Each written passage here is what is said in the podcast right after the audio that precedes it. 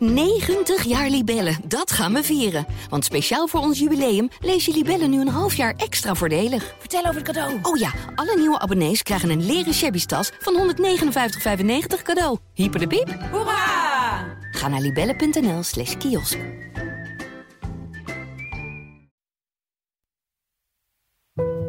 Denk eens terug aan de tijd dat je naar school ging of studeerde. En beeld je eens je favoriete docent uit die tijd in. Het liefst iemand die al een beetje op leeftijd was. Iemand die meer dan alle andere docenten echt interesse in je had. Zie je die persoon voor je? Stel je nu eens voor dat je in die tijd plots krantenartikelen over die docent las. Waaruit blijkt dat hij of zij een verleden heeft waar jij niets van af weet. Dat deze docent verschrikkelijke dingen heeft gedaan. Doden op zijn of haar geweten heeft. Maar altijd voor de consequenties is gevlucht. Hoe verandert je beeld van die docent? Kom je nog opdagen in de les? Stel je nu iets anders voor. Dat je zelf een twintiger bent die foute keuze na foute keuze maakt. Dat wat jij in een oorlog of crisis denkt dat de goede kant is, eigenlijk de foute kant is. En dat je daarna besluit je straf te ontvluchten. Dat je de benen neemt en alles achter je laat. Jaren later heb je een nieuw leven. Een goede baan, een vrouw, kinderen. Niemand kent de donkerste bladzijde uit je verleden. Tot er op een dag iemand voor je deur staat. Met vragen over vroeger. En het kaartenhuis dat jij zo zorgvuldig hebt gebouwd, begint te wankelen. Wat doe je als blijkt dat jij wel klaar bent met je verleden, maar je verleden niet met jou? Dit overkwam Jacob Luitjens. De schrik van Rode.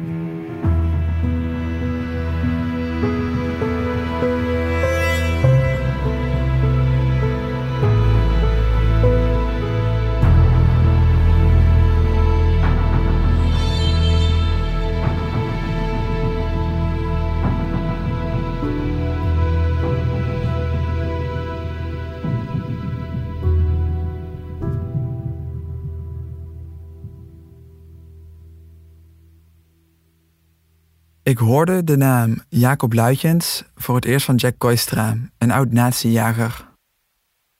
Ik heb vooral gezocht naar gevluchte NSB'ers.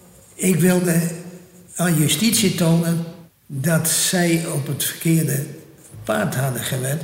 Zij hadden ervoor moeten zorgen dat die mensen niet over de grens waren geglipt. Ik leerde de 91-jarige Jack kennen toen ik voor de krant een aantal verhalen over de oorlog schreef. Nog nooit had ik iemand ontmoet zoals hij. Jack werkte in de jaren 70 als journalist voor het Fries Dagblad. In die tijd frustreerde het hem hoe weinig de Nederlandse justitie deed om gevluchte naties op te sporen, die nooit hun straf hadden gehad. En Jack besloot daar zelf wat aan te gaan doen. En toen kwam ik erachter, via tips van voormalige rechercheurs die ook gefrustreerd waren, dat een aantal van die gasten of in Spanje verbleven, zelfs in Engeland en vooral in Duitsland. Dat heeft mij altijd dwars gezeten, dus vandaar dat ik op jacht ben geweest. Die jacht van Jack ging er soms ruig aan toe. Als ik hem zo hoor, klinkt het alsof delen van zijn leven zo uit een spannende detective-serie komen. Bijvoorbeeld deze confrontatie die Jack met de oud-SS'er Bikker had in Duitsland. Die vent die moeten we even hebben. Want die is ontsnapt uit de koepelgevangenis in Breda. Daar ben ik met de KRO naartoe geweest. Een bruut van een vent. Ruim 80 jaar forse, stoere man. Die nog niks van zijn brutaliteit had verloren. Toen heb ik gezegd, zien ze herbieken? Ja, ik zeg, spreken ze Duits? Oder Hollandisch? En hij haalt die vuist uit. Toen is hij gevlucht in zijn auto. Wij erachteraan door het rode licht, door de stad Hagen. Met snelheden van 120 tot 140 kilometer. Toen heb ik tegen Bart gezegd: Ik wil wel levend terugkomen bij mijn vrouw. Alsjeblieft, laat die vent maar gaan. Jack's doel was steeds om justitie in te lichten nadat hij een gevluchte oud-NSB'er had opgespoord. In de hoop dat hij decennia later alsnog zijn straf zou moeten uitzitten in Nederland. Maar, zo vertelt Jack me, helaas liepen zijn pogingen meestal uit op niets. Want ze hadden de Duitse nationaliteit gekregen. Omdat ze in vreemde krijgsdienst waren gekomen. Nederlanderschap verloren. En een eigen land levert landgenoten niet uit. Maar de toon van Jack verandert wanneer hij één naam noemt. Die van Jacob Luitjens.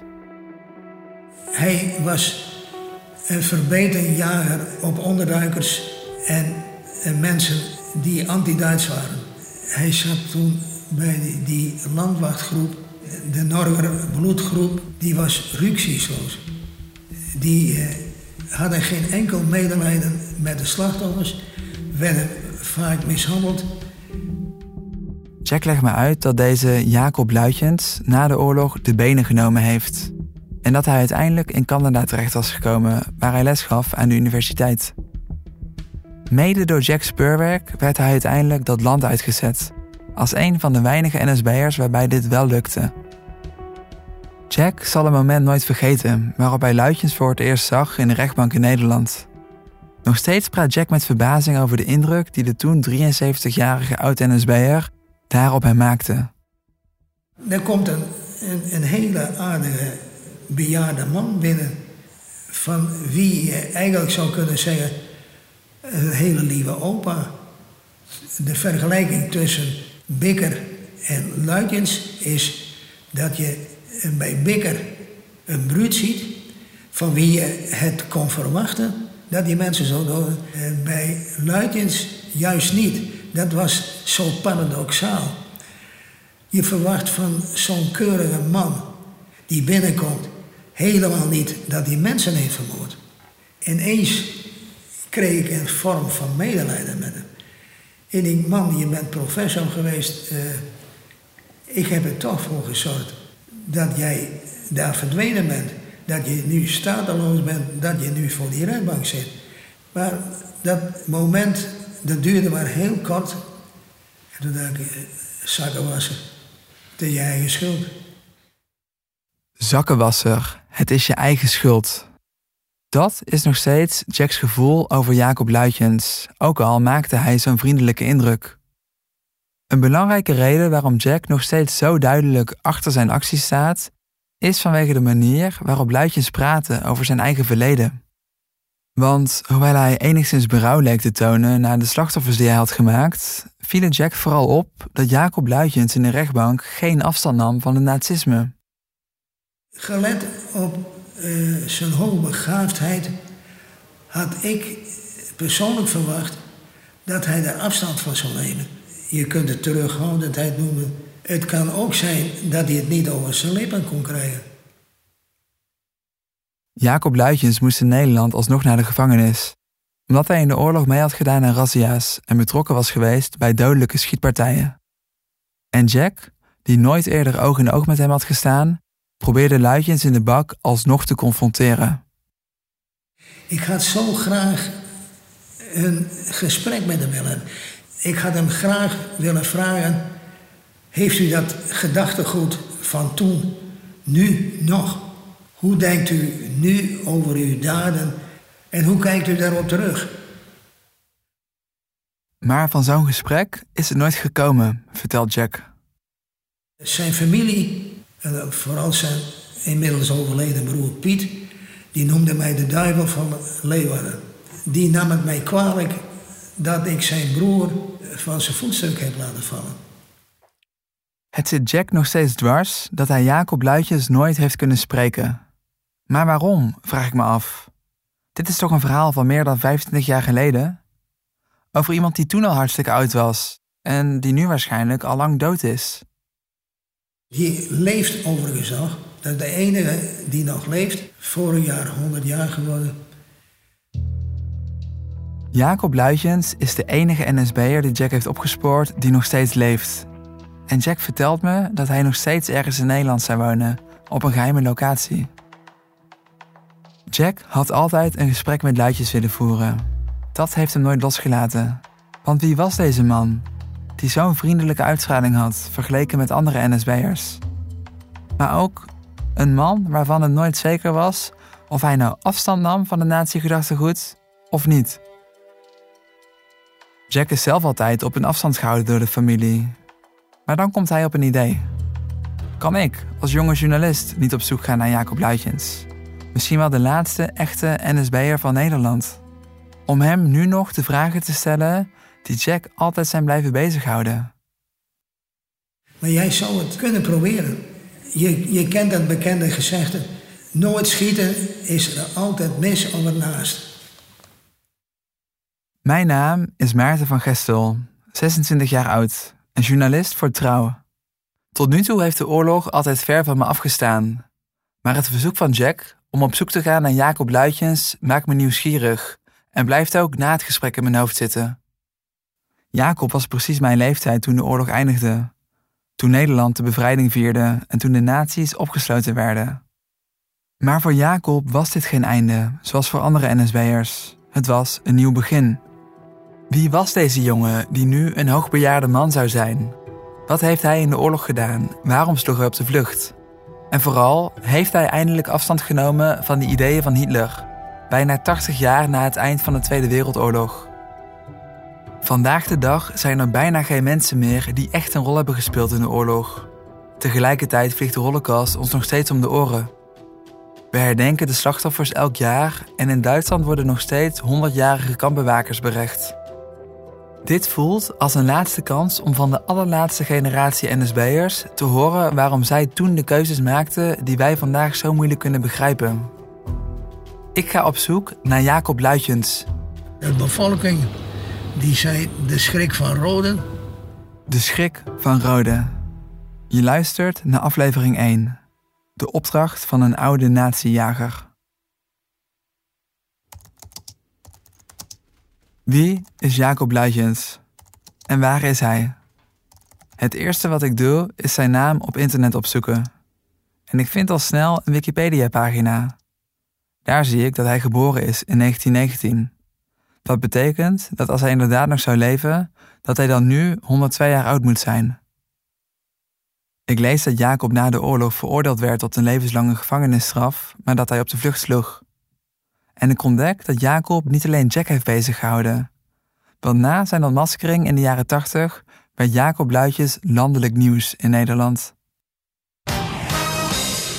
Goedenavond. 47 jaar na het einde van de Tweede Wereldoorlog wordt Nederland nog steeds geconfronteerd met het fenomeen oorlogsmisdadiger. We hebben het over Jacob Luitjens. En dan nu de zaak Jacob Luitjens. Oorlogsmisdadiger Jacob Luitjens na 44 jaar vrijdag al terug in Nederland. Niet alleen in Nederland werd Jacobs verhaal uitgelicht op primetime televisie. Ook in zijn nieuwe thuisland Canada doken de media in zijn verborgen oorlogsverleden. De aandacht werd vooral groot toen Canada probeerde om hem het land uit te zetten. 69-year-old Jacob Luchins. And now in Vancouver, Jacob Luchins faces loss of his Canadian citizenship after being convicted in Holland of collaborating with the Nazis. Ik stuit op een fragment waarin een voorzitter van de Joodse gemeenschap in Canada ontzet reageert op het feit dat een oud-nazi toevlucht kon nemen in het land. En dat hij daar gewoon les kon geven op de universiteit. Every day that the war was prolonged by people such as Sluitjens, another 10,000 people died in Auschwitz. In de Nederlandse media lijkt de zaak zijn toppunt te bereiken als Jacob Luitjens eindelijk weer voet zet op Nederlandse bodem, bijna 50 jaar na het eind van de Tweede Wereldoorlog. We zien hier de beelden van Luitjens aankomst eerder vanavond op Schiphol. Vanuit Londen kwam hij aan, waar hij een tussenstop had gemaakt op zijn reis vanuit Canada. Je ziet hem naar links met de lange jas. Op de journaalbeelden zie ik een oude man met twee zware koffers lopen. Justitiemensen begeleiden hem in een politiebusje. Journalisten dringen zich op om foto's van de ingesloten oud-NSB'er te maken. En op die foto's kijkt Luitjens met een slank gezicht en een bril in typisch jaren 80 montuur verslagen voor zich uit. Hij werd formeel aangehouden en op transport gesteld naar Groningen en zit intussen daar in de gevangenis. In de jaren 90 heeft heel Nederland een mening over Jacob Luitjens. Van een gewone man op straat. Wat moet je met zo'n vent nou ergens opbergen waar hij uh, geen kwaad meer kan? Dan mij zetten ze hem ergens op de mokerij neer in een hutje of wat dan ook, maar uh, afvoeren. Tot de directeur van Nederlands belangrijkste oorlogsinstituut. 45 jaar later denk ik dat het ondenkbaar is dat je iemand nog jarenlang uh, in een cel opsluit. Op 73-jarige leeftijd. Tot de minister-president, Wim Kok. Het is ook een hele lastige zaak. Het Hoe is staat lastig. u daarin eigenlijk? Ehm, het, is, het is zo lastig dat ik er nog geen positie in kan hebben. Sinds Jacobs vrijlating uit de gevangenis in de jaren 90 is er niets meer over hem vernomen. De krantenartikelen en televisieuitzendingen stoppen daar. Dus via de reguliere bronnen loopt het spoor dood. Nu begint het echte zoekwerk. Hoe nu verder? Volgens Jack en ook volgens de tv-uitzendingen stond Jacob tijdens de oorlog bekend als de schrik van Rode. Ik zie dat Rode een dorp is in Noord-Drenthe, vlak onder de stad Groningen. Zouden misschien de inwoners van Rode me verder kunnen helpen? Zouden zij meer weten over Jacob? En misschien zelfs weten waar hij is?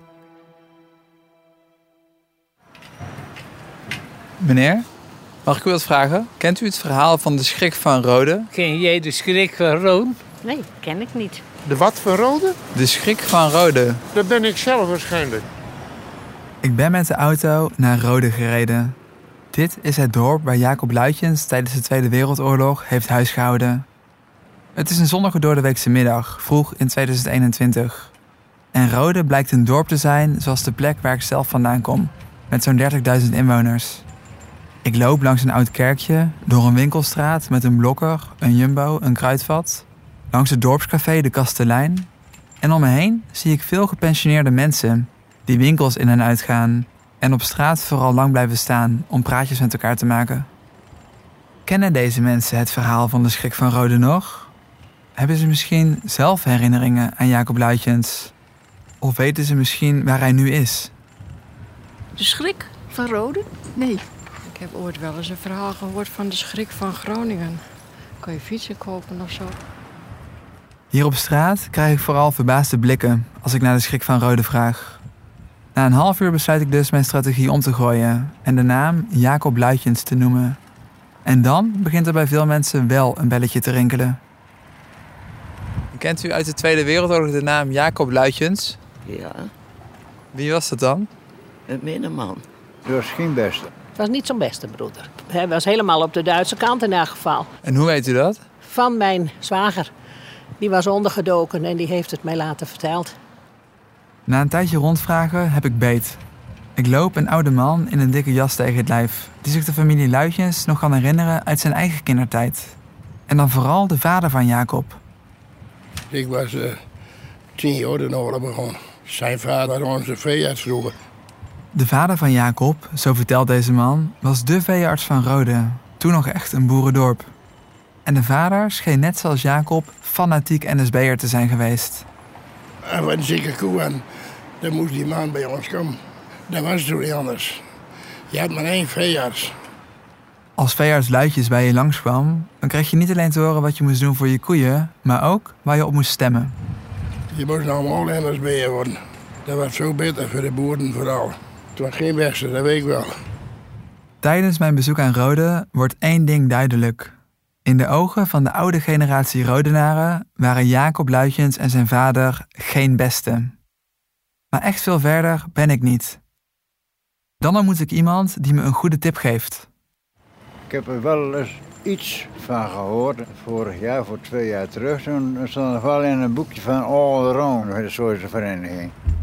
Een historische vereniging in Rode. Die zouden meer weten. Ik neem contact met ze op en krijg al snel een reactie. Ja, er is iemand die me meer kan vertellen over de familie Luitjens.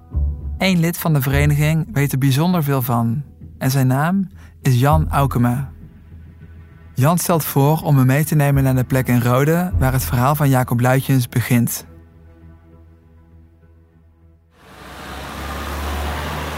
We staan nu eh, aan de vroege Groningenstraat in Rode, waar eens het huis van Steven Luitjes eh, was. Nou, het is nu een eh, lege plek, zoals je ziet. Je hoort Jan Aukema, een energieke tachtiger die zich na zijn pensioen volledig stortte op de geschiedenis van zijn dorp. Jan en ik staan op een bedrijventerrein aan de rand van Rode.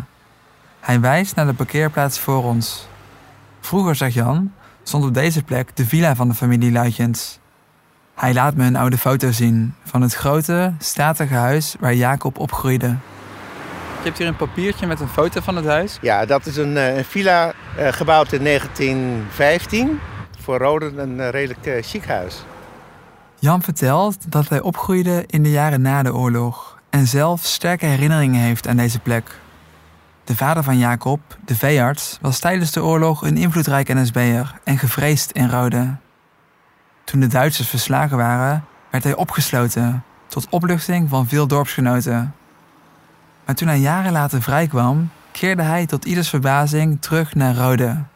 En werd hij hier gewoon weer veearts. Jan was toen scholier.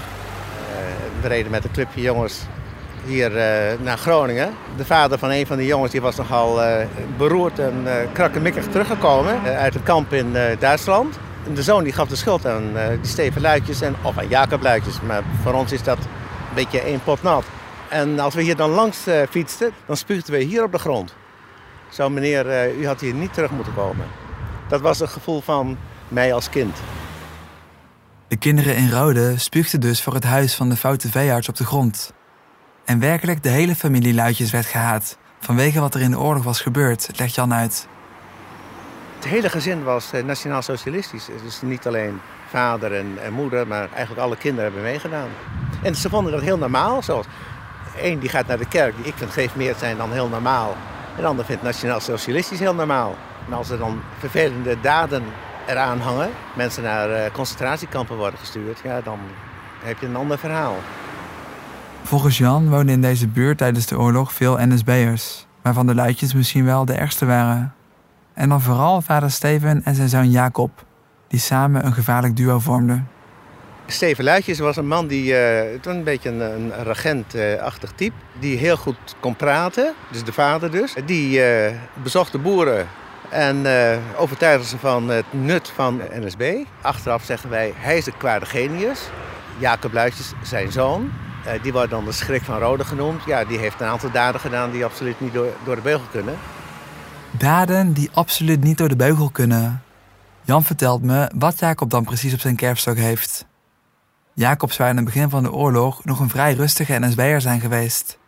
Hij studeerde rechten in Groningen en werkte daarnaast voor de NSB in Rode.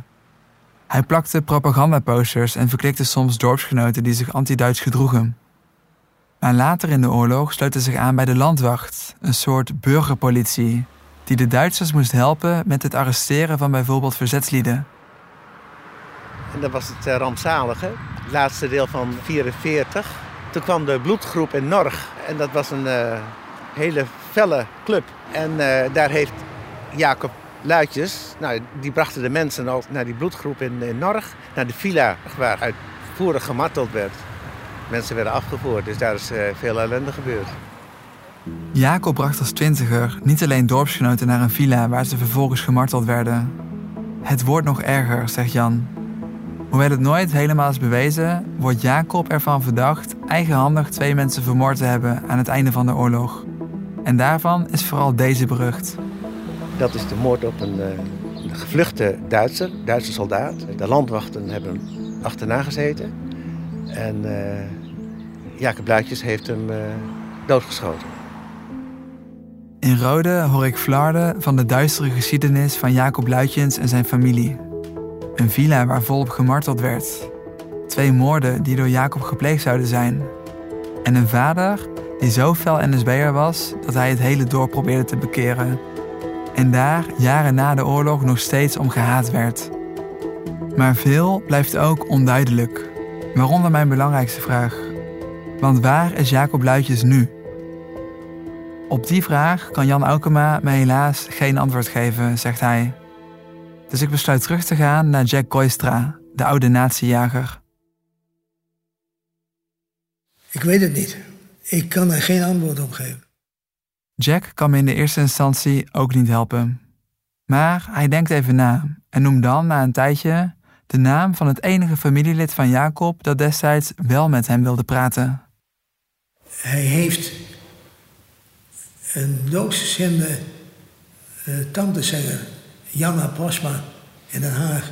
Ik heb geen adres, geen telefoon, maar misschien kun je die vinden in de doodsgezinde kring. Ik zou jou willen verzoeken, kijk in het register wie er in Den Haag doorgezind predikant is. En misschien vind je Janna Posma. Janna heet ze. Janna Postma dus. En dat is niet de tante, maar het nichtje van Jacob Luitjens. Ik volg Jack Stip en zoek contact met de doopsgezinde gemeenschap in Den Haag. Het contact verloopt stroef, maar uiteindelijk heeft iemand van de kerk Janna Postma te pakken gekregen. Ik krijg te horen dat ik er best wat vragen mag stellen, onder één voorwaarde, zolang het maar niet over de oorlog gaat. Ik besluit haar toch te bellen.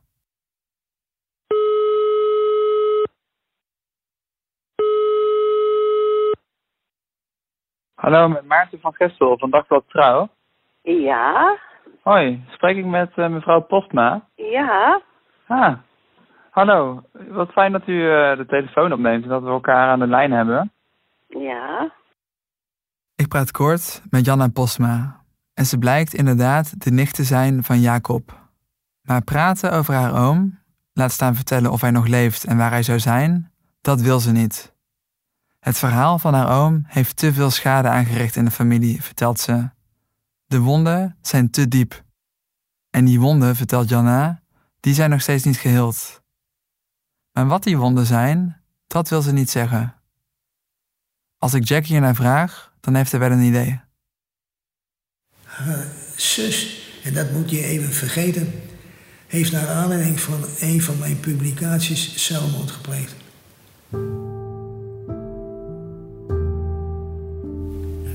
Vind ik heel erg. Dat is niet de bedoeling geweest. Ik geloof dat die vrouw 32 was. Ik was niet zo oud. Ik meende mij goed te herinneren dat ze zichzelf verdronken heeft in de haven van Harlingen. Dus je kunt nagaan dat het ook eh, binnen familieverband repercussies heeft gehad. Ja, dat, eh, dat greep mij wel even aan. Ik was er even onheimisch van. Ik denk, ja, heb ik een dooie op mij geweten? Ik word even stil van wat Jack me vertelt. Een jonge vrouw pleegt in de jaren 80 zelfmoord vanwege publicaties over de oorlogsdaden van haar oom? Hoezo? Ik merk dat het verleden van Jacob Luitjens voor zijn familie nog steeds bedreigend dichtbij is. En de wonden die nog steeds in Jacobs familie zijn, die beginnen allemaal op één punt: de Tweede Wereldoorlog. Ik wil verder zoeken naar de 102-jarige Jacob, die volgens Jack nog ergens in Nederland zou wonen, op een geheime locatie. Ik ben benieuwd naar hoe hij leeft en hoe hij terugkijkt. En vooral of hij afstand neemt van het nazi-denken. Maar voordat ik verder ga zoeken naar Jacob, is het beter om eerst een stapje terug te nemen. Want wat is er allemaal gebeurd in het rode van de jaren 40 dat zo erg was dat een jonge vrouw jaren later haar eigen leven nam? Wat hebben Jacob en zijn vader allemaal uitgespookt om zoveel littekens na te laten? Dat hoor je in aflevering 2 van De Schrik van Rode. De Martelvilla.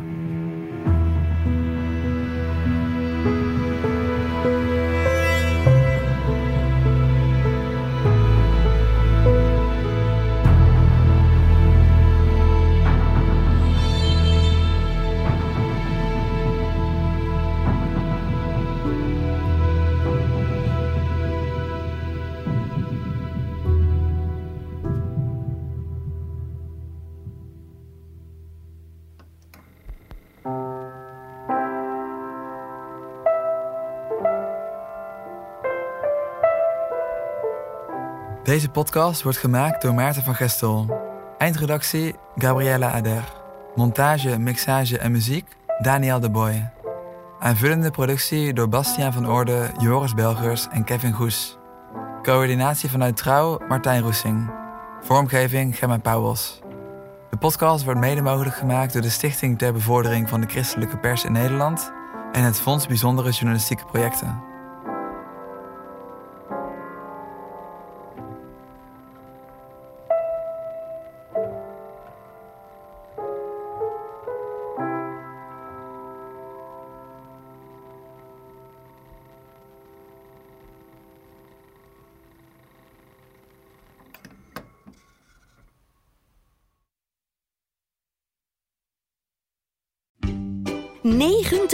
Libellen, dat gaan we vieren. Want speciaal voor ons jubileum lees je Libellen nu een half jaar extra voordelig. Vertel over het cadeau. Oh ja, alle nieuwe abonnees krijgen een leren shabby tas van 159,95 cadeau. Hyper de piep. Hoera! Ga naar libellen.nl slash kiosk.